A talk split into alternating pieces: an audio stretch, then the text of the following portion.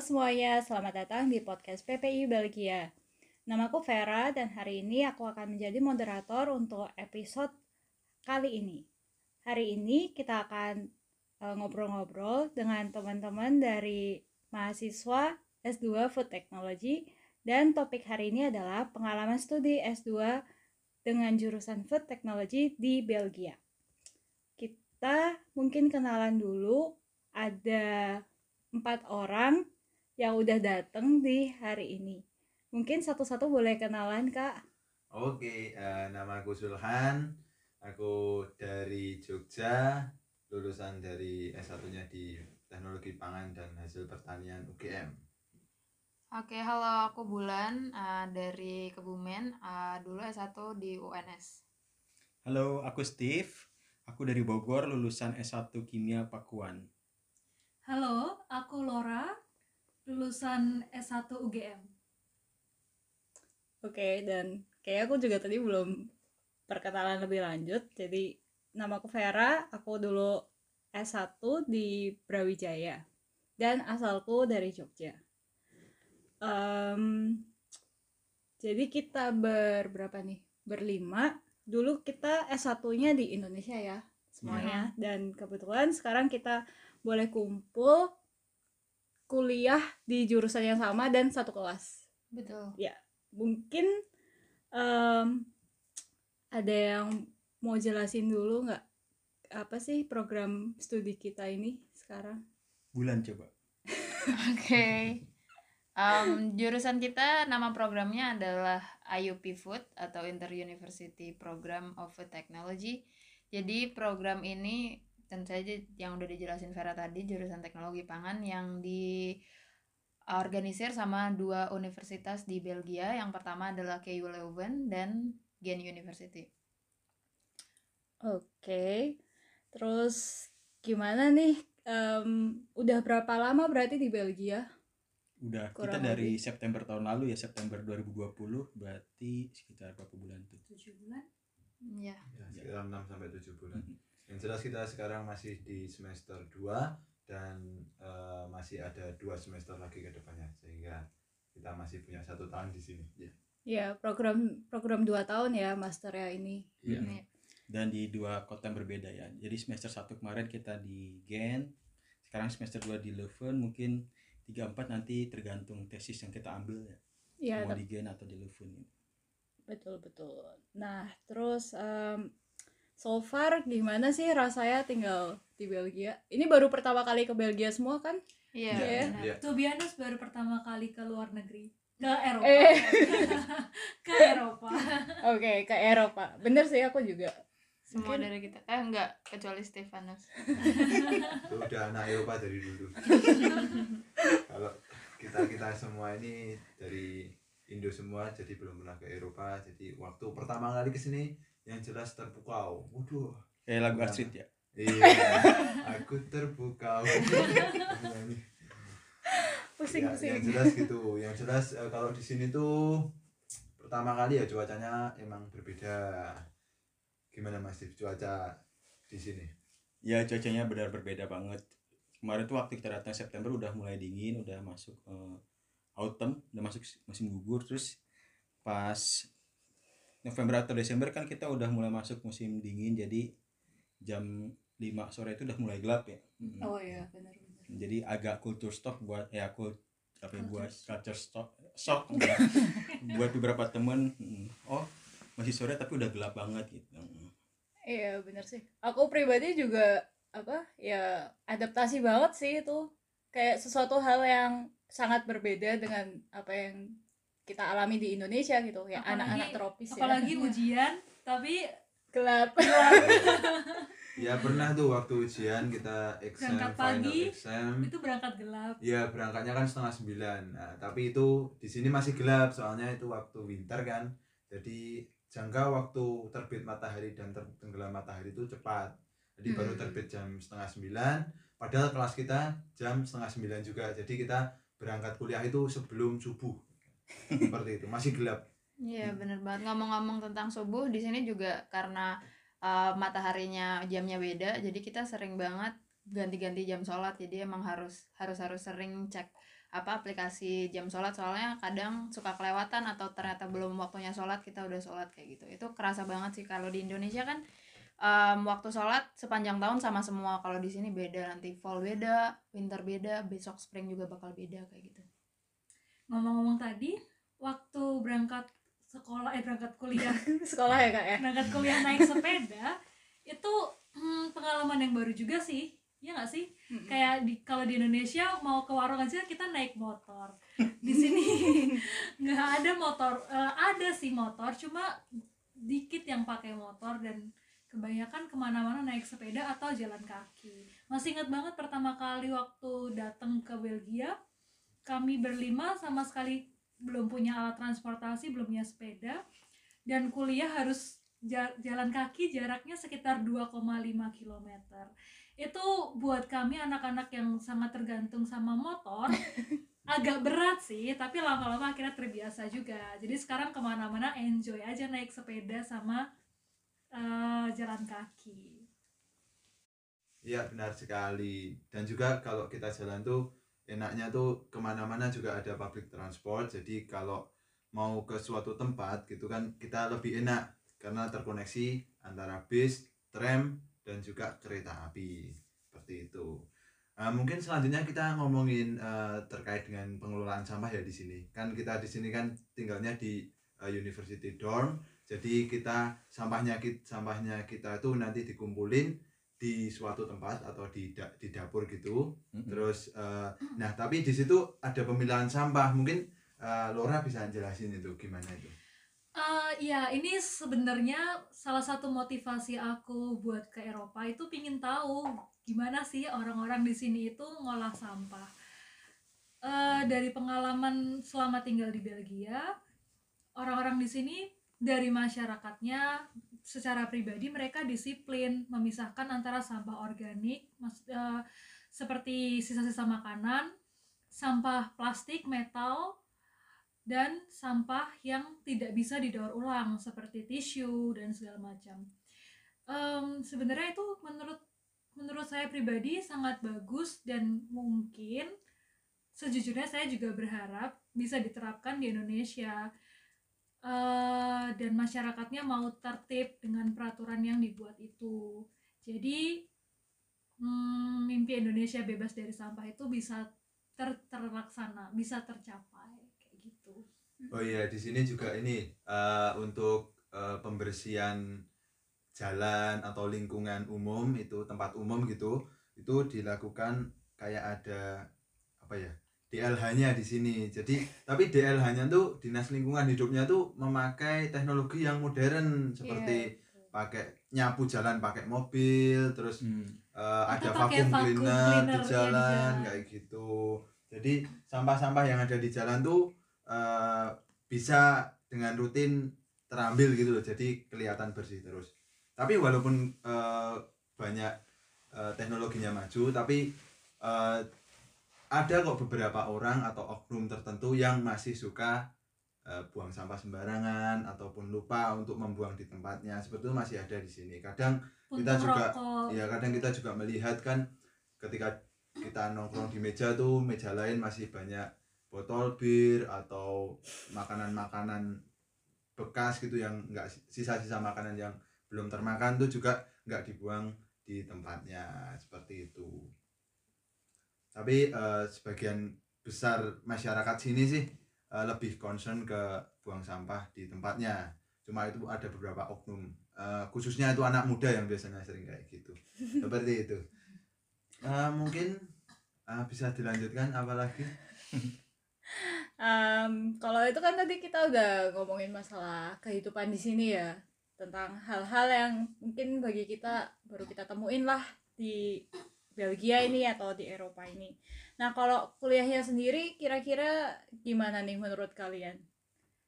Kuliah di apa di dua universitas yang berbeda kan udah ngerasain kemarin semester 1 di Gen semester 2 sekarang kita mungkin baru jalan berapa bulan tapi ya di tempat yang baru gitu mungkin ada yang mau share Em, sebenarnya kuliahnya karena kita kuliah ya sa- S1 dan S2 sebenarnya sama aja kita masih kuliah da- eh, kuliah kelas terus ada praktikum Eh, cuma yang buat aku em, beda banget sama di Indonesia dulu adalah kalau di Indonesia kan kita ada ujian tengah semester, terus ada ujian akhir semester, ada beberapa tugas terstruktur di sepanjang semester yang kita kerjain dan dapat nilai. Kalau di sini evaluasi satu-satunya yang kita dapat untuk major nilai kita untuk satu mata kuliah itu cuma ada di Ujian. ujian akhir jadi itu satu ujian tiga jam itu menentukan satu semester kamu belajar jadi itu cukup berat ya dan semua ditumpuk di akhir semester dengan berapa sih 5 sampai 7 mata kuliah ya paling nggak kita Eh, Iya. Iya, lima. Ah, lima mata Lima kuliah, mata kuliah. cuma bisa sampai tujuh ujian nah gitu Hmm. jadi dan itu dilaksanakan di satu bulan yang penuh satu bulan dengan satu setengah bulan kak oh iya satu setengah bulan per minggu ada satu apa namanya mata Ujian. kuliah ujian jadi eh, sangat apa waktu apa namanya sangat berat ya untuk apa namanya workload ya, work ya. apa oh, iya tension sepanjang betul. itu satu Stresnya- setengah bulan stresnya cukup Mhm. panjang tinggi mungkin kalau di Indonesia hmm, pengalamanku waktu S1 ujian cuma dua minggu waktunya. Sama sih aku juga dua jadi minggu. stres itu cuma dipadatkan dalam dua minggu. Kalau di sini memang kita punya lebih banyak waktu untuk mempersiapkan satu mata kuliah. Cuma mungkin karena terbiasa eh, apa jangka waktu untuk stres itu pendek kemarin cukup kewalahan sih untuk menghadapi ujian yang satu setengah bulan lamanya. Gitu. Benar tapi so far puji Tuhan bisa berhasil. Maksudnya eh, masih bisa dihandle lah kondisi itu Iya, survive Betul. lah at least. Jadi masih bisa hidup di sini. Terus ya ngeluh-ngeluh sedikit nggak apa-apa lah ya. Sambat Namanya ya, juga ya. S2 kan. Tapi ya itu. Tapi kalau menurutku dibanding S1 ya mungkin karena Covid juga sih. Jadi bebannya emang agak dikurangi.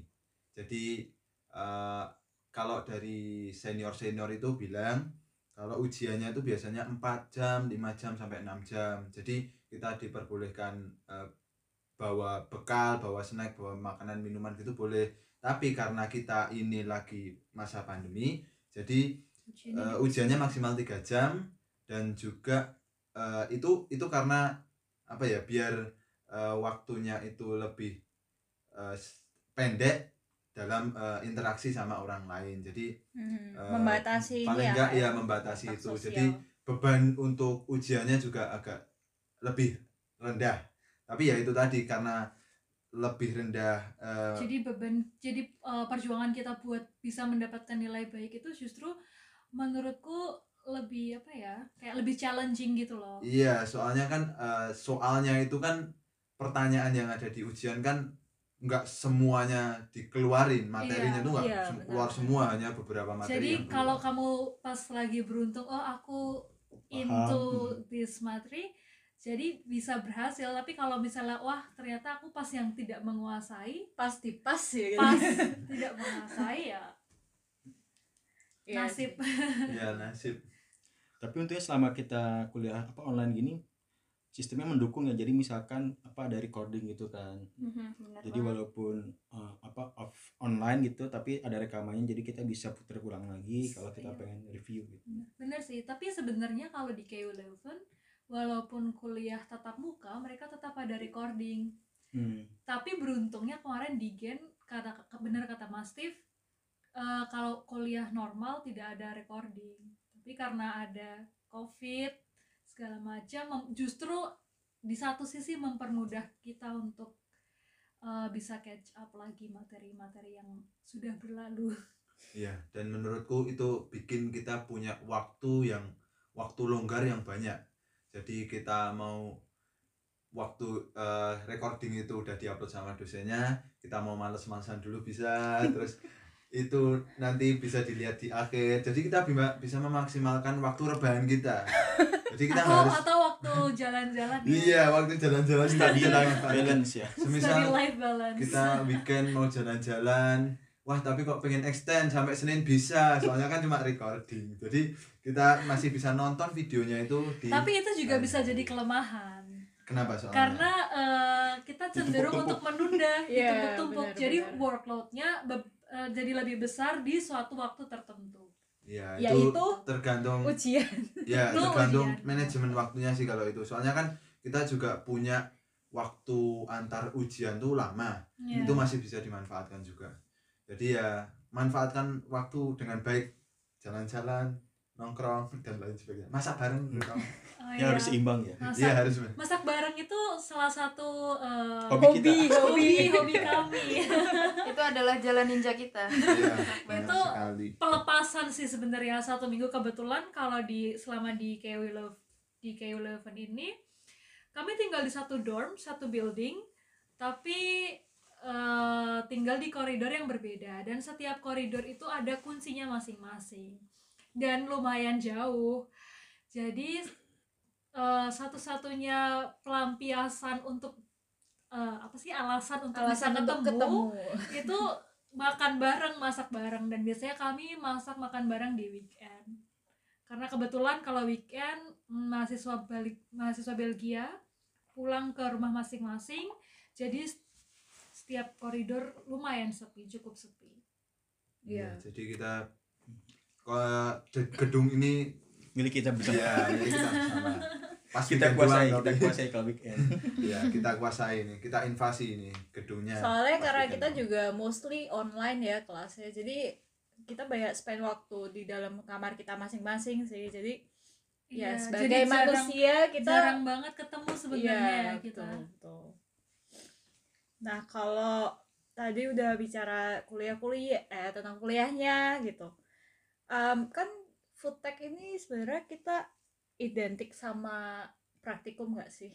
Mhm. Kayak sejak S1 tuh kayak apa kalau udah wah anak food, food tech gitu, wah pasti laporan-laporan. Nah, kalau di sini gimana menurut teman-teman lab works-nya? Eh, kalau menurutku ya untuk lab work eh, itu tuh lebih condong eh, membahas atau praktikum dalam hal yang akan kita kerjakan di kemudian hari. Contohnya eh, semisal kita contohnya kemarin eh, engineering properties itu kita mengerjakan sesuatu yang akan digunakan nantinya di tesis kita.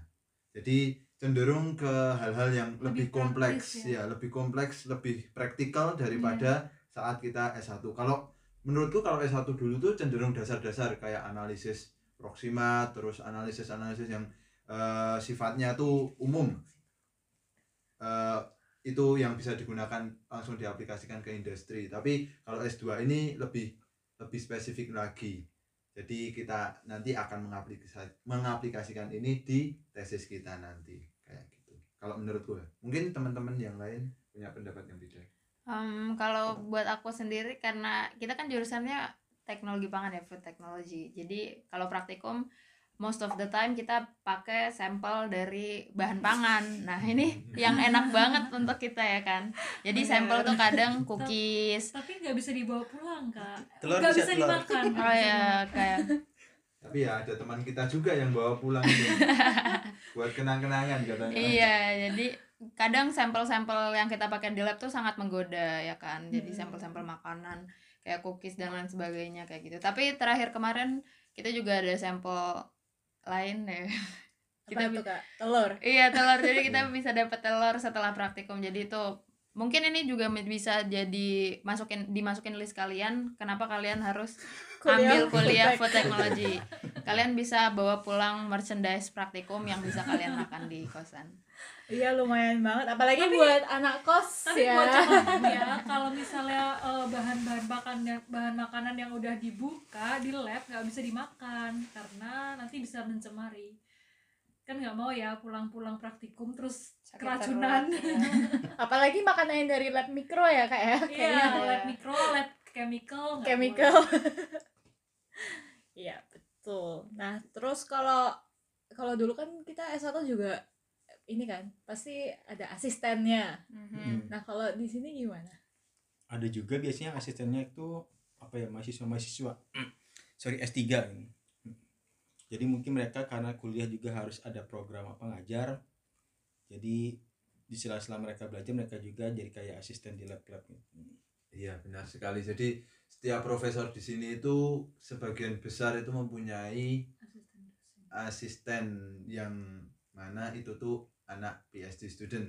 Mm-mm. jadi PhD student yang bekerja di bawah profesornya langsung dan digaji oleh universitas kayaknya nah itu tapi menurutku mereka juga baik-baik aja sih Baik-baik banget jadi iya baik-baik banget terus juga welcome kita tanya-tanya Tanya-tanya. sesuatu juga dia jawabnya baik terus untuk laporan nah untuk laporan ini kita ke laporan praktikum Iya. biasanya di Indo kan jadi momok banget ya iya di Indonesia Kita harus- aku sampai nggak tidur dua malam bisa loh waktu udah udah laporan biasa ya Iya, tapi di begadang sini gitu eh, mungkin orang-orang lebih mikir kayak make it practice eh, to the point aja, To the point. jangan bertele-tele. Jadi sejujurnya itu sangat-sangat membantu dan meringankan beban dari prak- laporan praktikum itu sendiri. Jadi nggak nggak jadi momok banget lah ngerjain laporan praktikum. Nah, dan juga eh, karena ini lagi pandemi juga, jadi ada beberapa praktikum yang terpaksa diadakan secara online. Jadi dari asistennya cuma ngasih data, terus kita olah dan kita buat laporannya. Maka dari itu ya, ya ada poin plus, ada poin minus sih. Kalau kita eh, masih ada kebagian untuk praktikum offline itu ya poin plusnya kita bisa tahu mungkin. ya prak- praktek secara langsung gimana cara menganalisis sesuatu hal gitu. Tapi kalau online ya udah kita cuma tahu data terus baru kita masukkan kita olah datanya dan kita bikin reportnya seperti itu. Mungkin lanjut. Tapi meskipun kita sekarang ada kesempatan buat praktikum di kampus ya tapi tetap dengan protokol kesehatan kan ya. Dan sebenarnya menurutku salah satu sisi positifnya kan eh, karena jumlah orang dibatasi ya nggak kita nggak boleh banyak-banyak. Jadi satu grup tuh paling cuma 3 sampai empat orang. Iya. dan itu tuh menurutku jadi em, apa ya keuntungan buat kita karena kita tuh jadi bisa lebih hands on gitu dengan apa dengan step-step ya dalam melakukan praktikum Iya, gitu. dan dan kemarin pengalaman waktu di Gen praktikum kimia, kimia pangan, itu biasanya eh, karena orangnya jumlahnya sangat banyak dan cuma dibagi eh, misalnya mengerjakan topik A itu nanti di- dibagi lagi di A titik satu, A titik dua, A titik tiga. Jadi masing-masing orang cuma tahu porsi yang dia kerjain aja.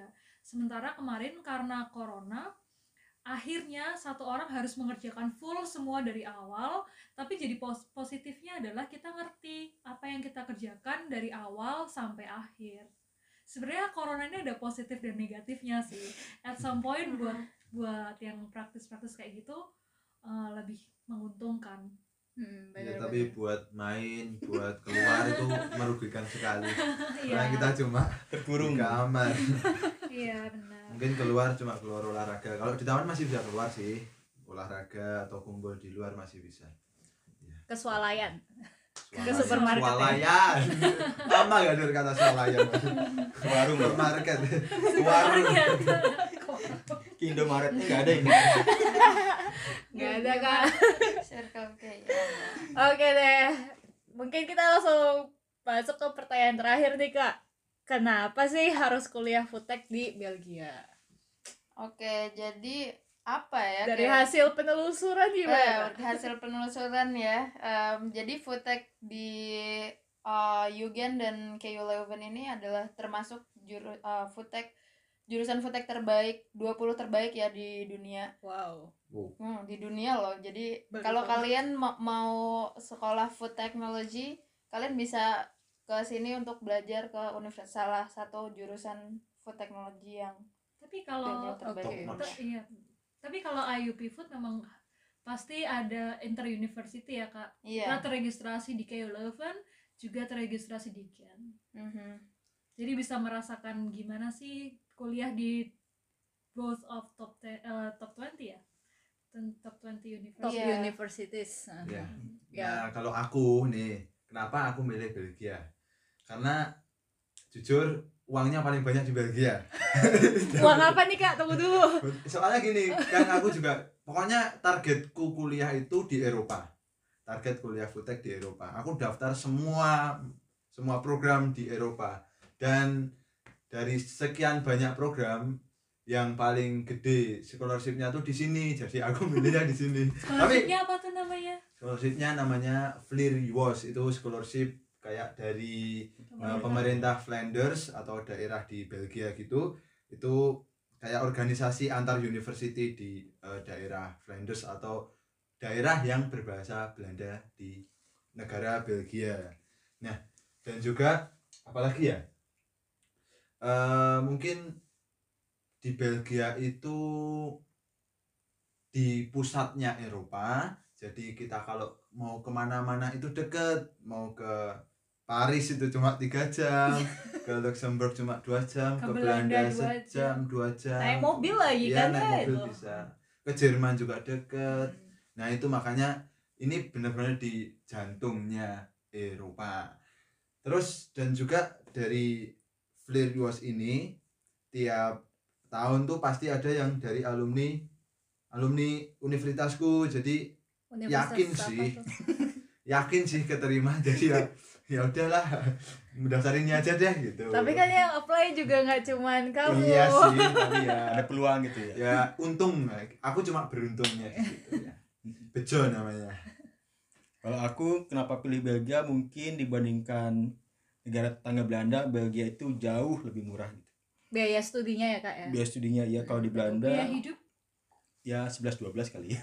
Ya tapi eh, satu hal yang menarik tuh IUP Food ini kita tuh biaya studinya sama kayak biaya studi orang Eropa kan Oh, jadi gitu. biasanya kita kalau non Mhm. Iya. European Non-European student mahal. Beda. lebih mahal kan jauh dua lebih kali mahal lipat mungkin di Oh, Belanda 3 lebih, sampai lebih. 4 hmm. Nah di sini tuh uniknya kita bisa dapat Biaya Harga studi yang biaya sama. studi yang sama gitu nah mungkin ya itu juga sih. bisa jadi pertimbangan teman-teman Hmm, untuk memilih betul. food technology di KU11 dan UGN atau uh, generally sekolah di Belgia. Demikian sharing-sharing kita hari ini. Terima kasih teman-teman sudah mendengarkan dan jangan lupa subscribe dan ikutin terus podcast PPI Belgia di Spotify dan Apple Podcast dan juga subscribe eh, akun PPI Belgia di YouTube maupun di Instagram. See you. Totzins. bye bye dadah sampai jumpa di podcast berikutnya ya